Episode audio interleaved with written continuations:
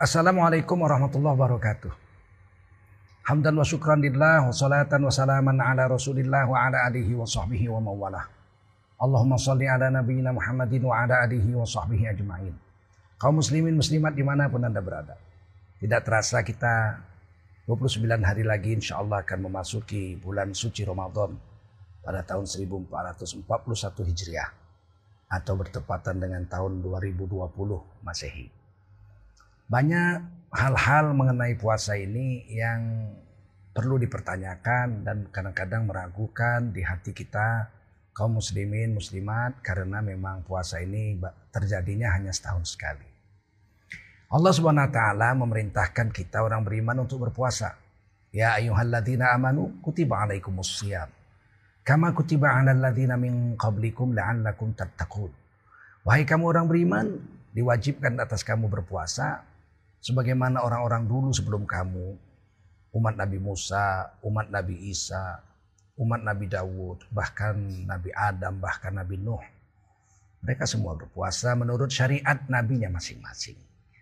Kalau orang Yahudi atau umat Nabi Musa diperintahkan puasa 40 hari 40 malam, yakni buka puasanya jam 9 malam sekaligus sahur lagi selama 40 hari yang disebut wisol puasa berterusan yang dalam syariat Nabi Muhammad hal ini dilarang. Nah Rasulullah SAW anil wisol. Rasulullah melarang puasa yang bersambungan lagi uh, per, uh, bersambungan malam dengan siang. Kita hanya mulai fajar minal fajri thumma atimus siyama ilal lail. Dari mulai fajar sampai maghrib menyentuh bibir malam.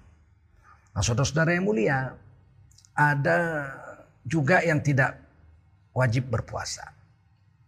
Dari yang diwajibkan berpuasa orang beriman, ada sepuluh yang boleh tidak berpuasa. Pertama bukan orang Islam, karena hitopnya alamat perintah Allah itu ya ayuhalladzina amanu. Maka dalam Quran orang yang tidak uh, percaya kepada Allah dan Nabi Muhammad SAW, menurut syariat Islam mereka tidak diwajibkan berpuasa. Kalaupun berpuasa tidak berpahala mereka. Yang kedua adalah orang Islam yang sakit. Wa in kuntum marido apabila kamu sakit au ala au ala safar atau kamu sedang musafir faidatum min ayyamin ukhra kamu ganti di hari yang lain. Kemudian yang keempat orang-orang yang sudah jompo atau sudah lemah yang tidak mampu lagi puasa karena sudah sakit kronis seperti ganti ginjal apa gagal ginjal atau yang lain-lain yang tidak memungkinkan dia untuk berpuasa. Maka orang seperti ini tidak perlu eh, menggantinya di hari yang lain. Mereka cukup membayar fidyah satu mud satu hari. Menurut ulama-ulama madhab syafi'i yang ada di Indonesia, satu mud itu sekitar 0,6 kg beras. Wajib per hari yang ditinggalkan puasa. Jadi kalau 30 hari 18 kg beras dibagikan kepada fakir miskin. Fidyatun so'amu miskin. E, tentu itu wajib. Mm, ditambah sunatnya misalnya dia memberikan uang lauk pauknya sebagai tambahan daripada bayar fidyahnya itu karena e, nasi saja tidak mungkin enak dimakan. Dan nasi tidak bisa dimakan kalau tidak dimasak. Perlu minyak untuk memasaknya. Saudara-saudara itu empat yang boleh tidak puasa di dalam Quran dan dalam hadis ada enam yang boleh tidak puasa. Pertama adalah uh, orang yang sedang haid. Karena yusibuna zalika. Kami itu ditimpa haid atau sebagai ulama juga memasukkannya uh, uh, nifas. Jadi orang-orang yang kena haid atau nifas boleh tidak wajib tidak puasa, berdosa kalau puasa, haram kalau puasa. Maka kata Siti Aisyah, "Fa nu'maru bi qada'is shaum wala nu'maru bi qada'il bi qada'is shalah."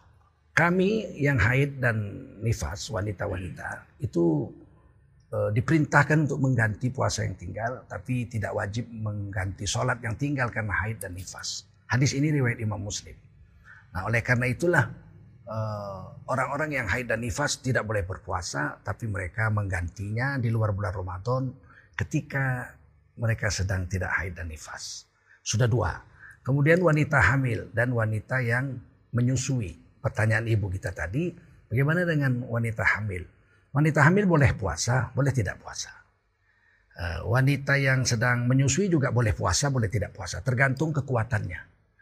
Kalau dia meninggalkan puasa karena takut bayi yang dikandungnya itu mudarat, berbahaya keadaannya, kesehatannya, takut bayinya yang rusak, maka wanita ini wajib menggantinya di hari yang lain dan wajib membayar fidyah. Setiap harinya 0,6 kg beras. Nah, ini yang diperintahkan oleh Allah SWT yang diambil oleh Imam Syafi'i ditulis dalam kitab Fathul Mu'in. Begitu juga orang yang menyusui, dia boleh tidak puasa. Tapi kalau dia takut yang rusak adalah anaknya, maka dia wajib mengganti di hari lain dan membayar fidyah. 0,6 kg beras per hari yang ditinggalkan. Tetapi sebaliknya kalau wanita yang hamil dan wanita yang menyusui ini meninggalkan puasa karena takut dirinya yang rusak, dirinya yang sakit, dia nggak berani, takut dirinya yang rusak, maka dia wajib mengganti saja di hari yang lain, tidak membayar fidyah. Ya sudah empat dalam hadis. Wanita haid, wanita nifas, wanita hamil, wanita menyusui itu empat. Kemudian yang kelima yang boleh tidak puasa adalah anak-anak. Anak-anak boleh tidak puasa. Dan yang ke enam yang terakhir adalah orang gila. Dan orang gila boleh tidak puasa. Dan kalaupun berpuasa dia tidak dikenai uh, beban agama tidak mukallaf orang gila. Nah saudara-saudara yang mulia khusus ibu hamil yang dipertanyakan tadi. Apabila dia mengganti karena dia takut dirinya rusak, dia hanya mengganti saja, tidak membayar fidyah. Akan tetapi kalau satu tahun ini sampai Ramadan yang berikutnya ini masuk, dia belum menggantinya, maka dia setelah berlalu Ramadan 1441 ini, utang puasa tahun lalu wajib digantinya ditambah dengan membayar fidyah. Inilah yang diambil oleh madhab syafi'i dan madhab hambali dan juga uh, sebagian besar uh, kibarul ulama daripada Saudi Arabia sepakat. Mereka mengatakan bahwa pendapat yang kuat adalah ketika seorang wanita hamil atau wanita yang menyusui yang di alasan nah, tadi karena dia dirinya yang rusak, dia nggak berani puasa takut dirinya rusak, maka dia hanya mengganti saja tapi tidak diganti setelah setahun masuk kewajiban Ramadan berikutnya maka dia wajib mengganti dengan puasa dan membayar fidyah.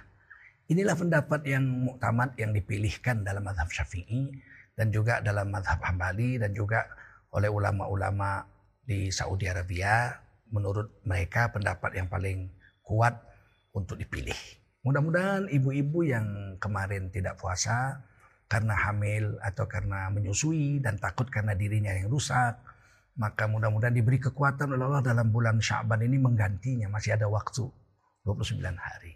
Andai kata tidak terpenuhi, maka diganti setelah berlalu Ramadan di bulan Syawal berikutnya ini. Kemudian dia ditambah denda berapa hari yang ditinggalkannya yang belum sempat digantinya.